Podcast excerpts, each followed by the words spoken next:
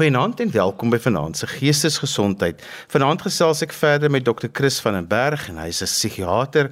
Ons het so rukkie terug begin gesels oor mans en mans se geestesgesondheid en vanaand is die tweede aflewering in hierdie reeks waar ons spesifiek fokus op mans en hulle geestesgesondheid. Vanaand gaan ons 'n bietjie gesels oor 'n raamwerk wat 'n mens kan toepas wanneer mens begin dink oor geestesgesondheid en dan ook veral mans se geestesgesondheid. Chris, maar ek dink dit sal beter wees as jy vir ons vertel van die raamwerk wat jy vanaand aan ons wil voorhou onthou. Dankie Johan. Ja, ek kyk in my werk met mans, ehm um, is daar 'n klomp komplekse probleme wat na jou kant toe kom met daar's simptome wat gerapporteer word, probleme wat gerapporteer word. En dit is vir moeilik om sin te maak om agter te kom maar wat is oorsprong en gevolg en waar begin dit en wat wat veroorsaak wat. So ek het probeer kyk of ek vir myself 'n model kan uitwerk uh amper 'n 'n prentjie te kan skep vir die oorspronge van geestesgesondheidsprobleme in mans.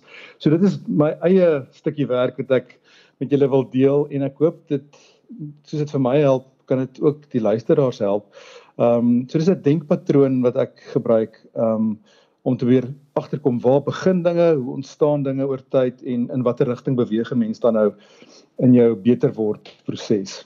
Is my amper 'n padkaart. Uh om te sê maar dit is waar ek begin het. Dit is die bakens op hierdie pad. Dit is waar ek nou op hierdie pad trek en hierdie pad lei nou in hierdie rigting. So dis bietjie van 'n stelsel, uh 'n model.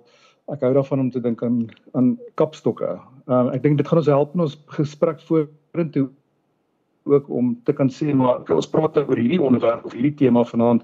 Dit pas min of meer in op hierdie aspek of hierdie deel van van hierdie model. So ehm um, dit help my om 'n groter perspektief te kry op geestesgesondheidsprobleme. Ek staan so 'n bietjie terug en ek kyk beskoue ding van 'n afstand af en ek, ek kyk nie so vas net in die een spesifieke simptoom of probleem wat die persoon aan my rapporteer nie. Dit help my om uh, beter te sien wat aan die gang is en om dalk meer akkuraat te diagnoseer sodat ek ook meer gefokus uh, kan behandel of dit nou met medikasie is of met psigoterapie. En ek dink wat die waarde wat ek hierin gevind het is dat dit vir die persoon baie beter insig gee in hulle eie probleem. So net die insig en die beter verstaan van okay, ek ek begryp iets van waar my my probleem vandaan kom is reeds baie bemagtigend vir die persoon wat um, sy probleem in 'n in hierdie groter konteks hoor. Ehm um, en ek dink ook dan nou die idee dat dis 'n pad, dis 'n proses wat in 'n in 'n positiewe rigting beweeg is veronderstel om hoop te gee vir die vir die pasiënt om te sê maar hoorie sou ons beweeg ergens heen en dinge kan beter wees. Ehm um, so dit is waar waar ek dink dit belangrik is om so 'n bietjie van 'n stelsel en 'n model te hê. Ek verwys sommer daaraan as die universele verhaal van Eden. Almal verstaan die storie van die paradys en dat daar ehm um, aan die aan die begin orde was. Dat dinge was geïntegreerd en ehm um, heel en het sin gemaak. En toe kom daar iets gebeur en dinge val uitmekaar en daar's wanorde um, en disintegrasie en ek dink ons is nou in die tyd van die geskiedenis waar daar uh, hopelik al sien ons dit nog nie raak nie 'n proses van herstel plaasvind. So ek wil hierdie selfde drie bewegings vat en ehm um, dit van toepassing maak op op man se reis met geestesgesondheid. Ehm um, en ek gaan dit aan die hand van so sewe bakens op hierdie pad doen. Maar ja, ek ek uh, uh, maak dit vir jou sin soos ek dit nou so stel. Dit maak absoluut vir my sin. So jy gebruik basies uh, drie konsepte en daai konsepte is dan orde, wanorde en dan herstel as ek jou nou reg ja, verstaan en dan ja. het jy nou 'n klompie bakens wat jy daaraan koppel. So die eerste die aanvanklike integrasie en dan die disintegrasie en ek dink ons gaan nog baie praat oor disintegrasie. Want as ek dink oor die rede waarom mans meer sukkel deesdae met gees is gesondheidsprobleme, dan is dit 'n probleem van integrasie. Ehm um, en ons gaan later in meer detail daar praat, maar dit gaan oor 'n oor 'n integrasie van al die aspekte van menswees en manwees. Liggaam, siel, gees ensovoorts, gemeenskap, natuur. En ek dink in ons moderne lewe het daai goeders begin loskom. Die naaldheid begin loskom en ek dink dit is 'n groot rede waarom mans ehm um, ook so 'n bietjie by die nate loskom en uitmekaar uitval. Maar ek dink ons gaan dit op 'n ander ander episode 'n bietjie meer bespreek. So ek wil dalk begin met 'n storie. Ehm um, ek vind dat stories help om 'n boodskap te laat steek. En dit is sommer nou so 'n simpel storie, maar dit dis eintlik die storie van my eie trou onthaal. um, om die punt te demonstreer. So ons is blinkoog verloof, ons reël troue. Ons het ons plek bespreek ehm um, vir die onthaal. Dit is in Desember. Ons verwag dit gaan 'n uiters warme dag wees in in die Boland. Ons berei onsself voor met baie koue water en witwyn en uh, die mense moet tog net nie dors wees of um, warm kry nie.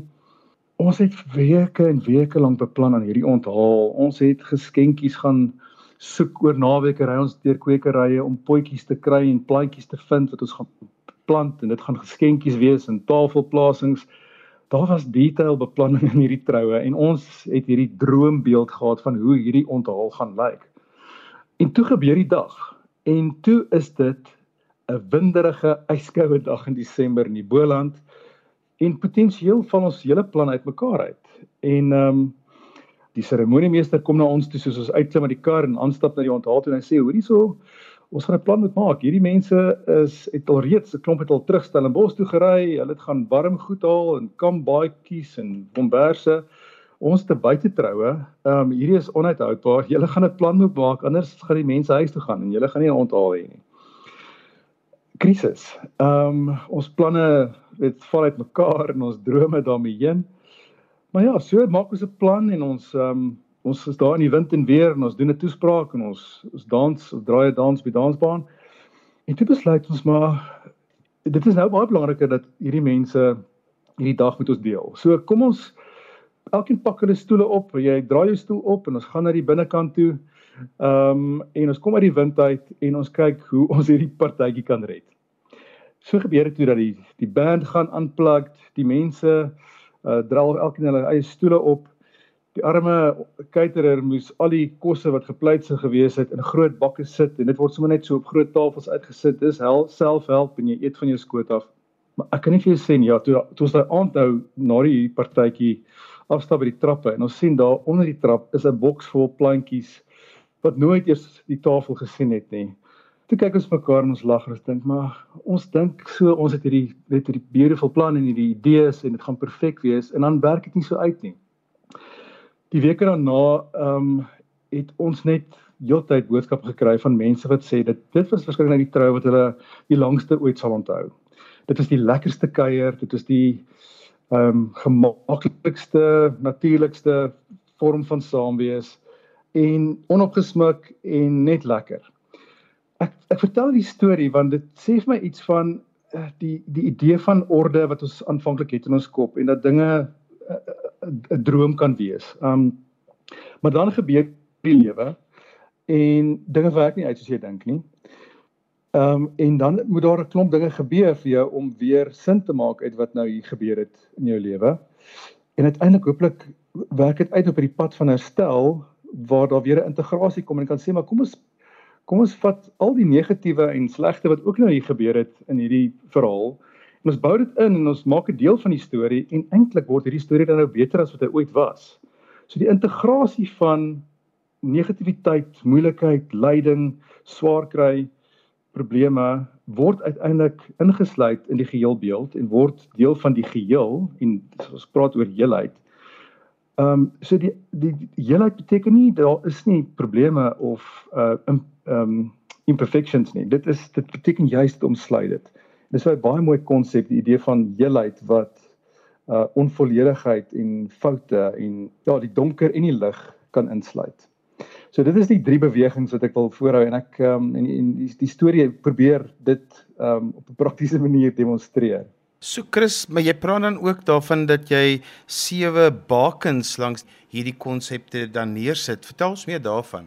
So ek gaan vinnig die sewe bakens noem en dan gaan ek so iets oor elkeen sê ek begin met punt 1 om te sê dat ons kom in die lewe ehm um, eintlik heel, nê? Nee? Ons ehm um, is gemaak soos ons moet wees. Ehm um, die Skepper sê dit was goed. Ehm um, so daar's eenheid, daar's heelheid. Ehm um, maar saam met hierdie eenheid ons ons word gebore as babetjies. Ehm um, wat beteken ons is kwesbaar en ons is naïef. So ons kom in hierdie wêreld en eintlik heel, maar ook baie broos. Ehm um, dis stap 1. Ek noem punt 1 spesifiek want ek dink ons moet onthou dat die die die rigting waarna die hele proses mik is om weer terug te kom by julle tyd. So ons begin by punt 1 om te kan sê want ons wil onthou dat waar ons vandaan kom is waarin ons weer kan beweeg. Daar is potensiaal. Daar is inherente goedheid en en heelheid binne ons. Dis maar net die lewe wat dit vir 'n tyd lank van ons ontneem of dit vir ons moeilik maak om dit weer in sy volheid te ervaar. Maar dit is weer 'n moontlikheid. Daar is 'n potensiaal van hierdie vol lewe. Stap 2 is dan then life happens. Um James Hall is ek's 'n groot aanhanger van sy skryfwerk. Hy's 'n Jungiaanse psigoanalis. Hy skryf: "We are all born free, bearing the germs of wholeness and health, and then life happens." So dit sê iets daarvan dat ons kom heel in, maar dan gebeur die lewe. Ehm um, of dit 'n oomblik in tyd is en of daar 'n klomp dinge in jou lewe gebeur, maar jy word gebore in 'n sekere konteks met in die, in die tyd van die geskiedenis in 'n sekere land, in 'n sekere fase van daai land se politieke bestel met spesifieke ouers met hulle eie persoonlikhede, hulle eie wonde, hulle eie ouerskapstyle.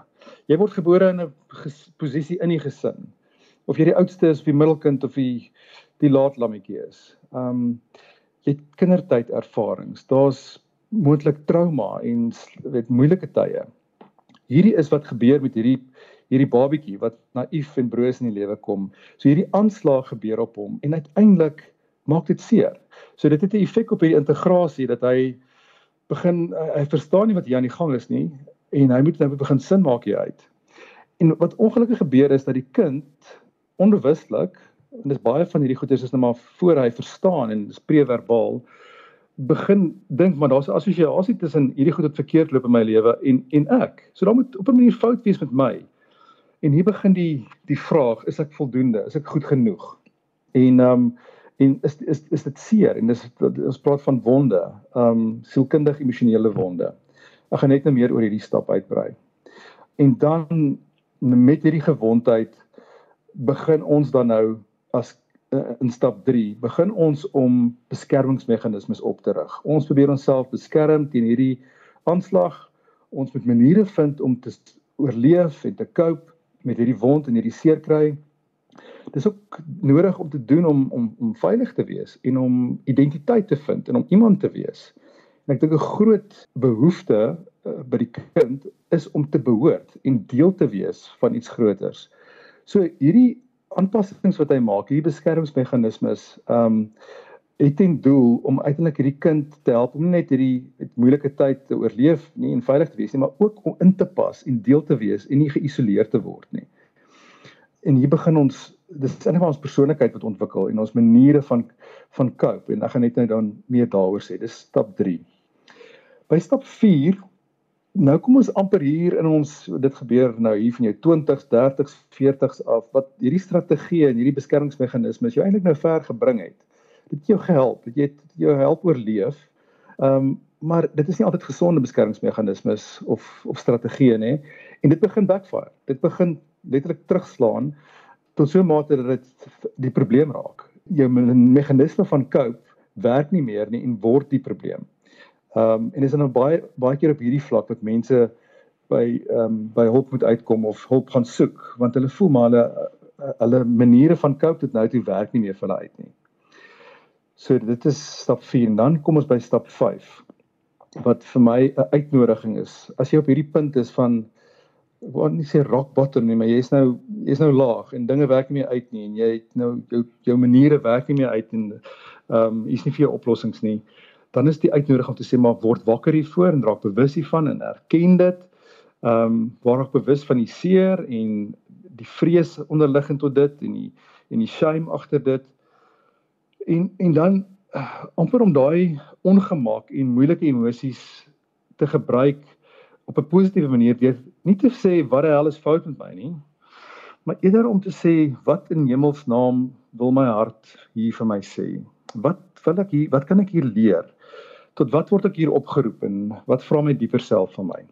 So dis 'n geleentheid en 'n uitnodiging om om te sê maar hierdie probleme en hierdie swaarkry wat ek nou beleef sê vir my dat dit dit, dit hoef nie so aan te gaan nie. Daar is 'n beter lewe en ehm um, en dit stel, stel jou voor 'n keuse. Gaan ek ehm um, gaan ek veg en vlug of gaan ek na die volgende stap toe gaan wat in, nou in 6 stap 6 is om te sê maar kom ek kies die pad van van kwesbaarheid en ek gaan ek gaan my strategieë en my beskermingsmeganismes 'n bietjie laat vaar en ek gaan myself 'n bietjie blootstel en ek gaan hulp kry en ek gaan op ek gaan praat en ek gaan my seer deel en ek gaan uh, rou hieroor en ek gaan hartseer hieroor is en ek gaan dit erken. Ehm um, en dit gaan my help om in voeling weer te kom met wat in ek onderliggend onder al die lae van beskerming aan die gang is. En hooplik lei dit dan nou na stap 7 van 'n pad van integrasie of ehm wat van van heelheid. Ehm um, om al die dele van jouself, al die seer en al die goed en die sleg en die lig en die donker te kan integreer en deel te maak van van wie jy is en jou geskiedenis en ehm um, die volle mens wat jy is saam met die swakhede en die foute en die gebreke en die onvolmaaktheid. Ehm um, en dit is 'n proses en dit verg geduld en deernis.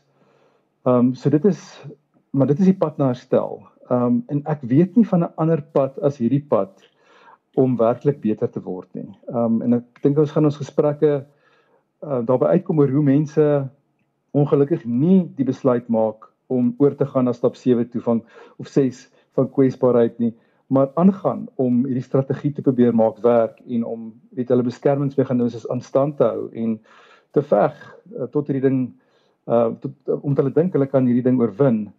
Um, en dan baie lank vat en ek ek sien soveel mans in hulle 50, 60s wat werklik swaar kry en nog nie op hierdie punt uitgekom het om te kan sê maar hoorie so my strategie werk nie meer vir my nie, maar ek sukkel om om om kwesbaar te wees en um hulp te kry daarvoor.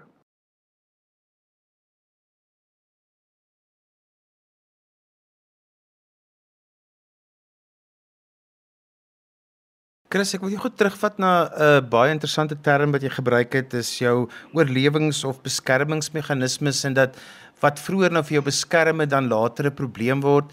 Wil jy vir ons 'n bietjie meer verduidelik aan die hand van 'n voorbeeld miskien dat ons luisteraars net lekker die konteks daarvan kan snap? So, ek dink nou sommer aan 'n geval wat ek onlangs gesien het.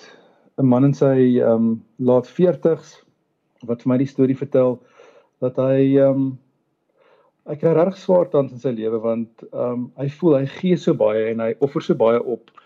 Ehm um, maar daar's baie min waardering daarvoor. Ehm um, en hy hy hy sukkel om die mense wat hy uitgebuit deur voel te konfronteer daaroor want hy's bang hulle uh word kwaad vir hom en hulle voel hy's um, selfsugtig om hierdie behoeftes te hê. So so het ons begin gepraat en ek ek ek, ek, ek dink die vraag is maar waar kom hierdie hierdie ding vandaan. Duidelik het dit gebeur dat jou manier van cope, jou strategie om te oorleef het geword om agteroor te buig en ehm um, almal anders hulle sin te gee en konflikte vermy en nie te kan opstaan vir jouself en en in voeling te wees met dit is wat jou behoeftes is nie en om dit te kan verbaliseer en op op op om aanspraak te kan maak daarop nie soos amper 'n probleem het om legitiem en met welle te voel.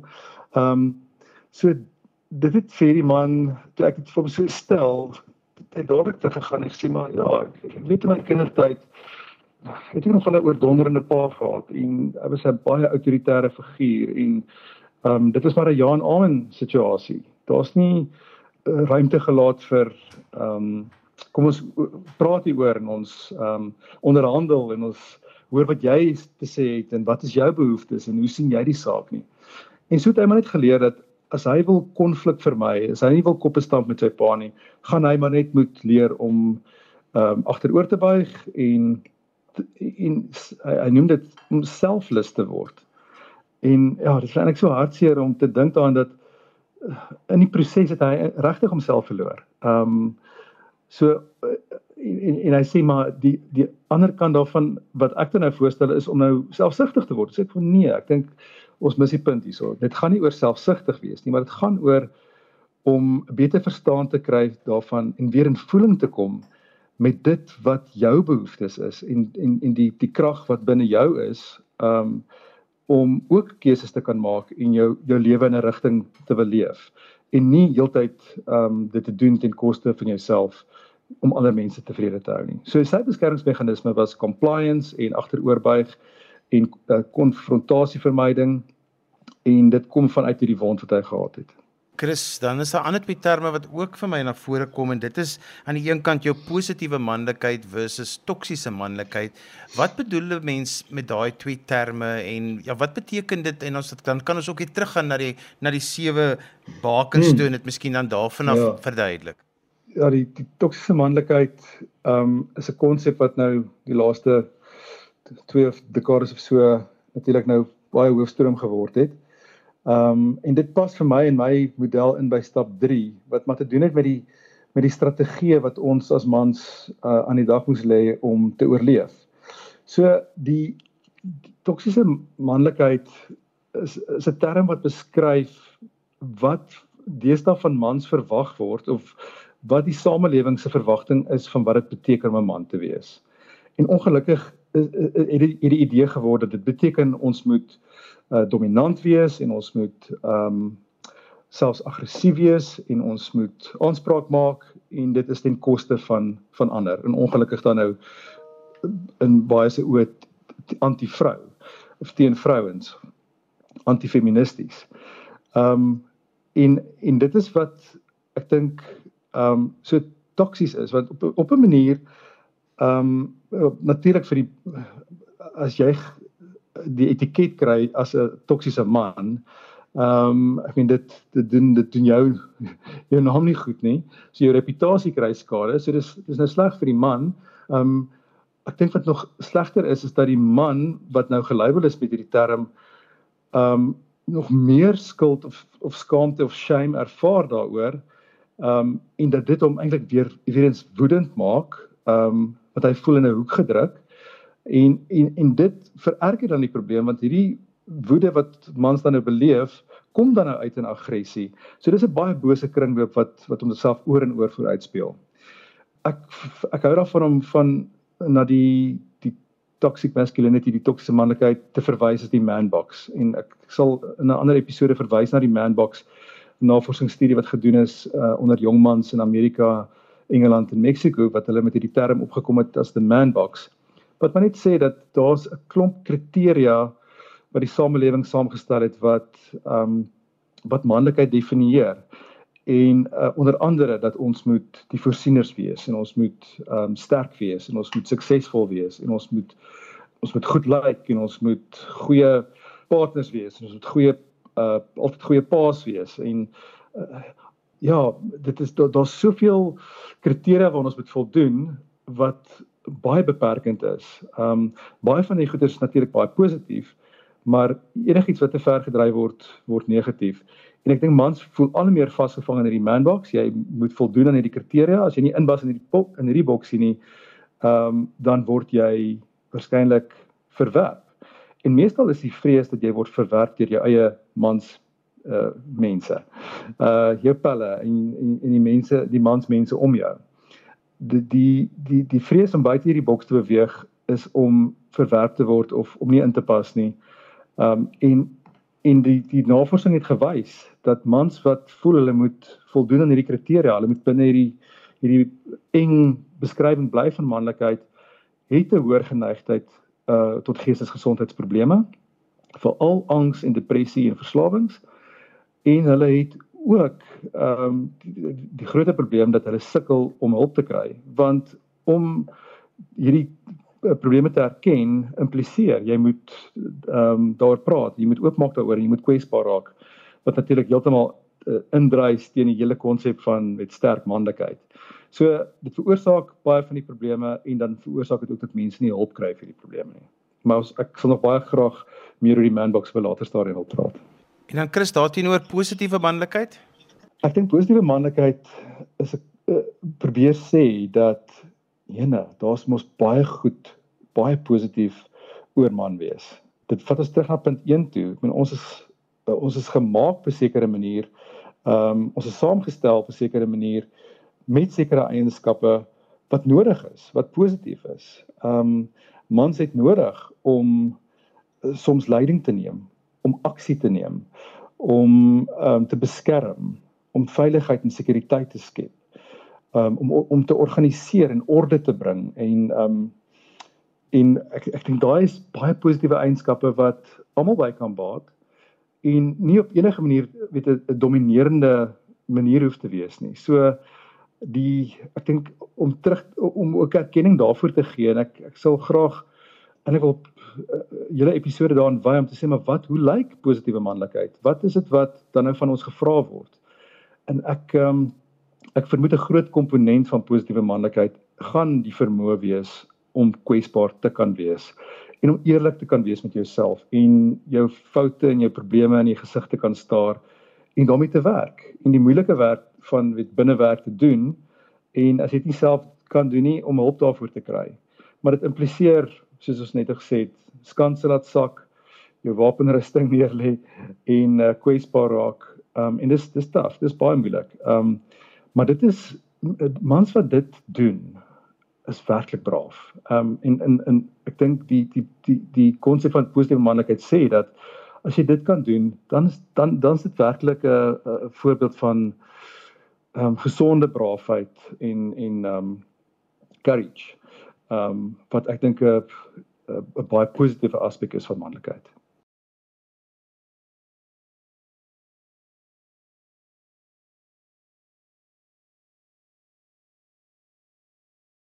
So Chris, vat ons 'n bietjie deur die reis wat jy voorstel wat werk om jou deur hierdie komplekse veld van jou siege en geestesgesondheid te neem. Jy vergelyk dit met 'n reis, jy vergelyk dit met 'n padkaart en jy sê daar's hmm. sewe hmm. bakens wat jy vroeër in die program gesê, maar jy wou oor elkeen nog so klein bietjie uitbrei. So doen dit gou Dankie, vir ons. Ja.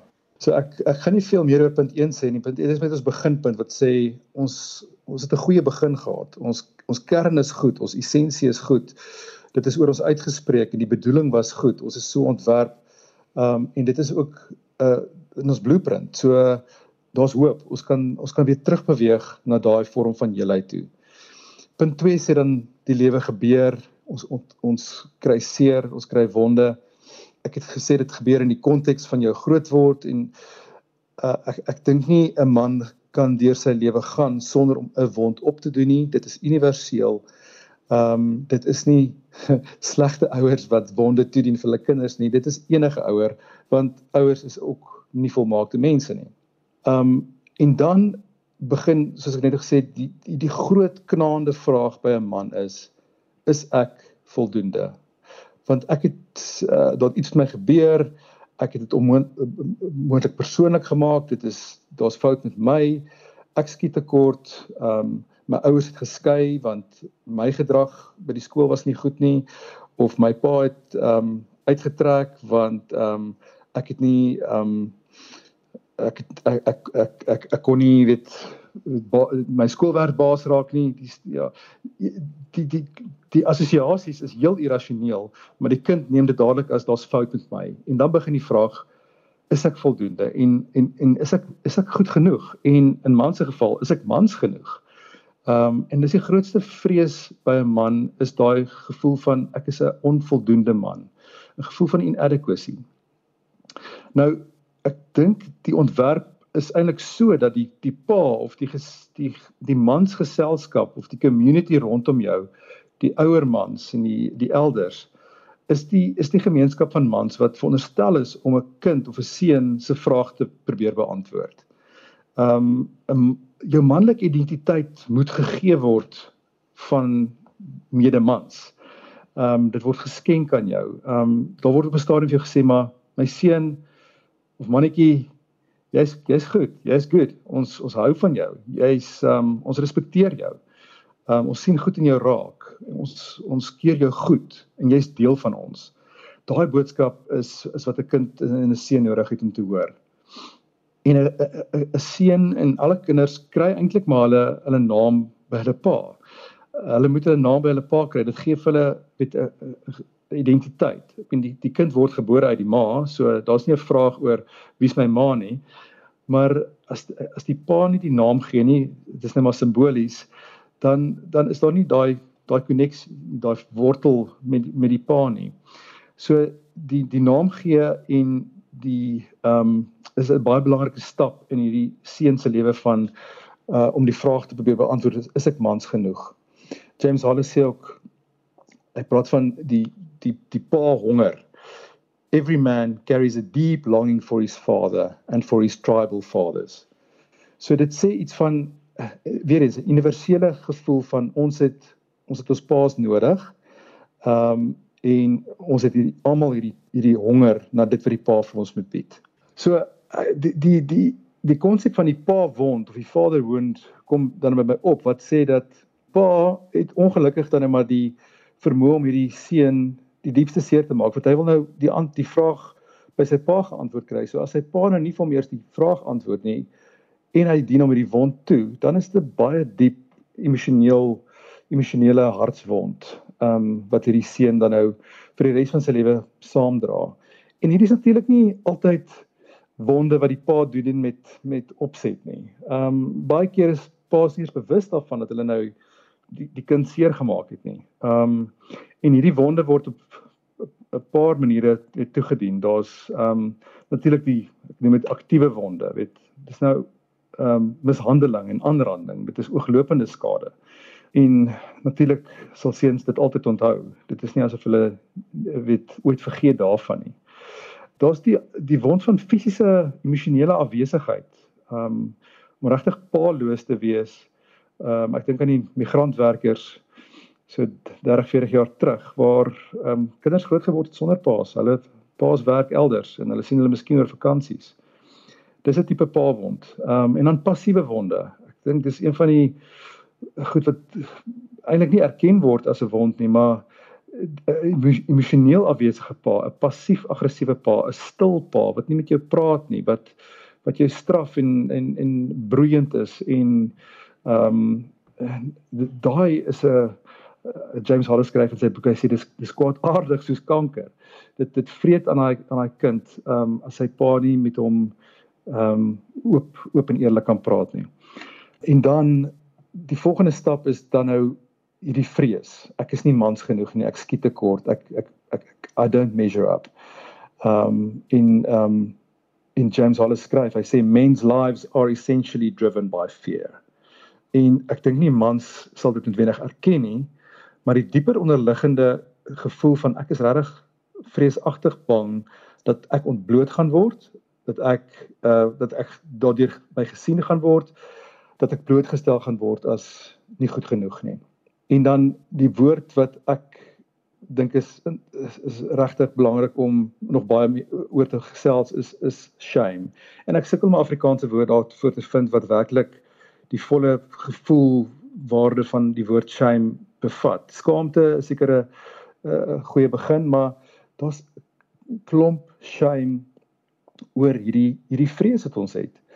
Ehm um, so die die, die pad wat nou in stap 2 gebeur met die lewe wat gebeur en die wonde wat toegedien word is die wond wat dan nou lei tot die die gevoel van ontoereikendheid, die vrees van inskop, ek's nie goed genoeg nie en dan die shame. En die die ek wil net sê dat vrees, ek bedoel as jy dink aan 'n dier wat bang is, wat doen 'n dier wat bang is? Hy as hy in 'n hoek gedraai word, hy word aggressief. Ehm um, en ek vermoed dit is waar die aggressie in mans vandaan kom, is dat ons eintlik in 'n in 'n hoek gedruk voel en dat ons vreesagtig bang is om ontbloot te word en dat 'n diep onderliggende uh, shame onder dit alles lê en dat ons onsself eerder sal beskerm um, deur aggressief op te tree as om om weer seer te kry soos ons vrede seer gekry het. Um, so ja, die uh, ek sal op 'n ander stadium wil saam met jou filosofie filosofeer oor waarom ehm um, hierdie hierdie krisis eintlik nou in ons moderne tyd al hoe meer is, die die manlikheidskrisis ehm um, hierdie disintegrasie van manlike identiteit. En ek dink in die verlede was dit nie so erg nie. Ek dink as gevolg van inisiasieprosesse in die verlede, as gevolg van um 'n baie meer samehorige gemeenskapsgevoel um en weet ouer mense mentors um het mense dekades terug dalk nie so gesukkel met met hulle identiteit as man nie. En dan natuurlik die die patriargie wat um wat vir ons sê hoor hierso dit is wat volwasse manlikheid beteken. Dis vreesgedrewe, pas in of uh, anders is jy nie goed genoeg nie. So dit is by punt 2 en dan by punt 3 ek dink ek nou genoeg gesê oor die die coping, die beskermingsmeganismes, ehm um, die die man box wat vir ons nou kriteria geword het wat sê maar as jy nou dit en dit en dit en dit doen as man, dan is jy eintlik goed genoeg en dan kan dit maar jou vraag beantwoord dat jy goed genoeg en mans genoeg is. So hou net by hierdie reëls. Pas net in hierdie boksie in, dan gaan jy ten minste nie ontbloot word nie en jy gaan nie geïsoleerd word nie. Jy gaan nog steeds deel wees en dan hoe hoe hierdie strategie ons eintlik dan nou later ehm um, kom backfire op ons. Ek ek maak onderskeid tussen twee beskermingsstrategieë breedweg en dit is veg en vlug. Ons kan of veg deur te sê maar ek ehm um, ek het hierdie vrees, ek het hierdie hierdie shame onderliggend. Ehm um, ek het hierdie woede. Ek ek gaan veg. Ek gaan oorkompenseer. Ek gaan al hoe meer gedrewe raak. Ek gaan aanhou probeer en aanhou probeer. I'm, I'm going to play this game. Ek gaan ehm um, ek gaan ek kan nie stop nie, dit raak kompulsief. Ehm um, dit is 'n ooreaksie om te sê maar ek gaan myself nou bewys, myself bewys vir myself en vir ander mense. En ongelukkig loop hierdie baie keer uit op 'n amper gewelddadige manier van oorkompensasie. Ehm um, en dan die tweede een is vlug. Dis 'n terugtrek, dis 'n passief, dis 'n skuil, dis vasval, dis verlammend. Dis mans wat besluitloos raak, wat ontmagtig is, wat depressief raak. Ehm um, amper soos hierdie persoon wat ek net beskryf het wat maar net agteroor buig en sê ek ek gaan nie meer veg nie ek ek ek ek staan terug en ek ek vou agteroor. Ja, en dan sê ek die by punt 4 die strategie haal ons in. Ehm um, dit backfire op ons letterlik. Uh dit slaan terug en ek die mooiste aanhaling wat eintlik nou op die terugslag so my kommentaar lewer van James Wallace wat sê the unconsciousness of our trauma in men to repeatedly wound themselves and women and our children as well. So hierdie onbewuste trauma wat lei tot hierdie woede en skaamte en seer maak dit ons osself oor en oor weer wond en ook die mense om ons. Ehm um, en dit is hoekom dit belangrik is om om gesond te word. Nie net vir jou eie onthaalwe nie, maar ook vir jou mense rondom jou se onthaalwe en vir die gemeenskap. So die die vyfde stap is dan om te sê maar ek raak bewus daarvan dat my strategie werk nie meer vir my nie. Dit doen my nie goed nie. Inteendeel, dit veroorsaak nou die probleem en dit veroorsaak 'n klomp probleme. Ehm um, die veg vlug reaksies wat gebeur wat lei tot angs, wat lei tot depressie, wat lei tot ehm um, verslawings, ag al die probleme in verhoudings, ehm um, spanning, stres, uitbranding dis alles tekens daarvan dat jou strategie het nou begin ehm um, uh werk nie meer uit vir jou nie en, en slaan nou terug.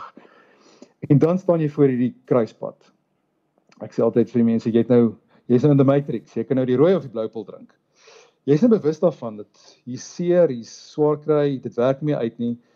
Gaan jy die die pil drink wat vir jou in die in die rigting gaan vat van okay, ek is nou bewus hiervan en ek gaan hiermee werk of gaan ek 'n ander pil drink van onbewus en sê hierso dit is vir my te ongemaklik om hiermee verder te werk.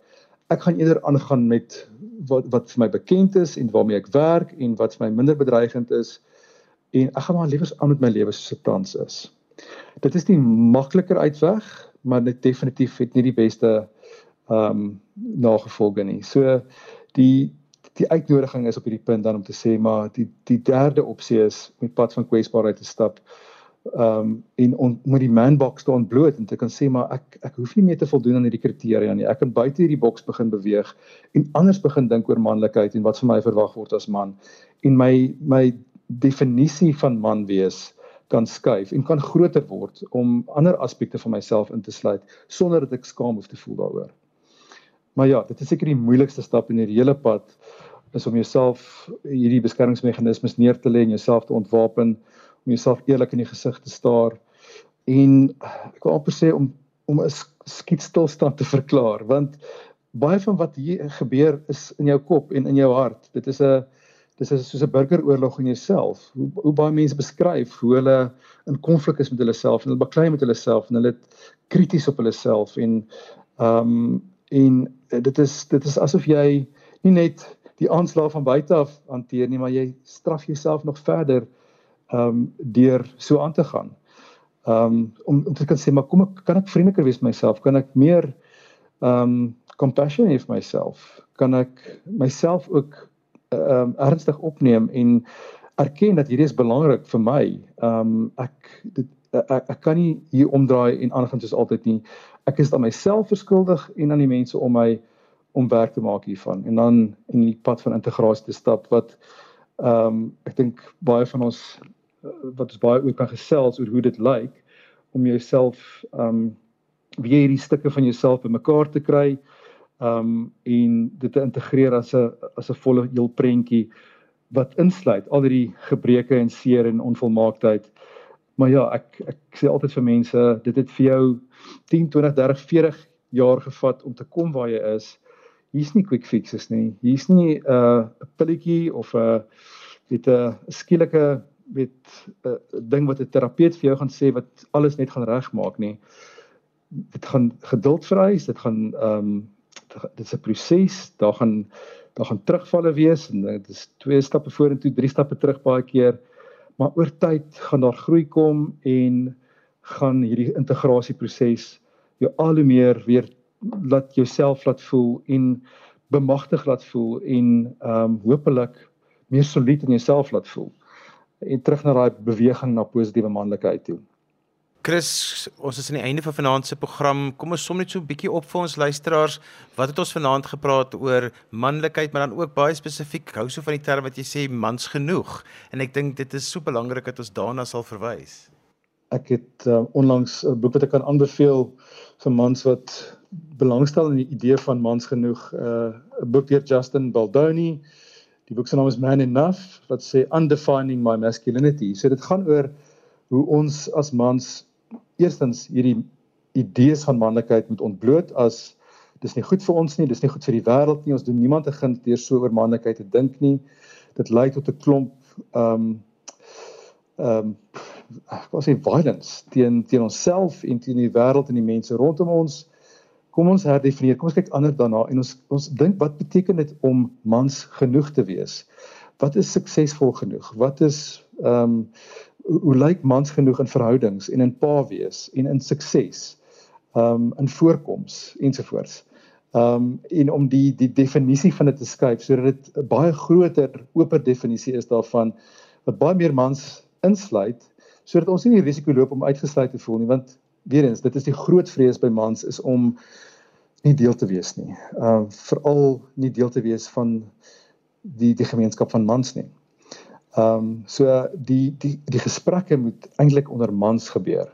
Ehm um, waar ons teenoor mekaar kan kwesbaar raak en sê maar ek sukkel hiermee en hier's my storie en hoe ervaar jy dit en hoe hanteer jy dit? En ja, ek, ek daar's baie stories ook wat wat ek kan vertel van mans wat uh tussen hulle vriendekringe uh, uh daai brawe stap geneem het om iets kwesbaars te deel en hoe daai gesprek vlam gevat het en nie kon eindig nie want dit is alle mans se lewe wêreld en ons het 'n platform nodig en 'n veilige ruimte nodig om dit ehm um, te kan bespreek. So ek hoop dit is wat ons ook met ons gesprekke op hierdie platform kan begin regkry.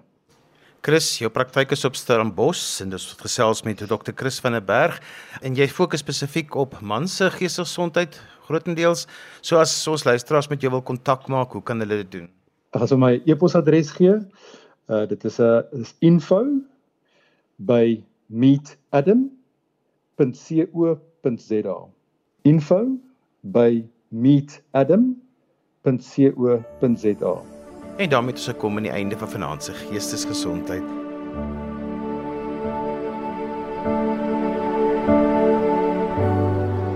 En daarmee het ons gekom aan die einde van vanaand se geestesgesondheid. Onthou jy kan weer na vanaand se program luister as 'n potgooi. Laai dit af by resgep.co.za. Skryf gerus vir my 'n e e-pos by Johanvanlull@gmail.com en onthou daai Johan het net een N. En daarmee groet ek dan vir vanaand. Kyk mooi na jouself. Tot volgende keer van my Johan van Lill. Totsiens. thank you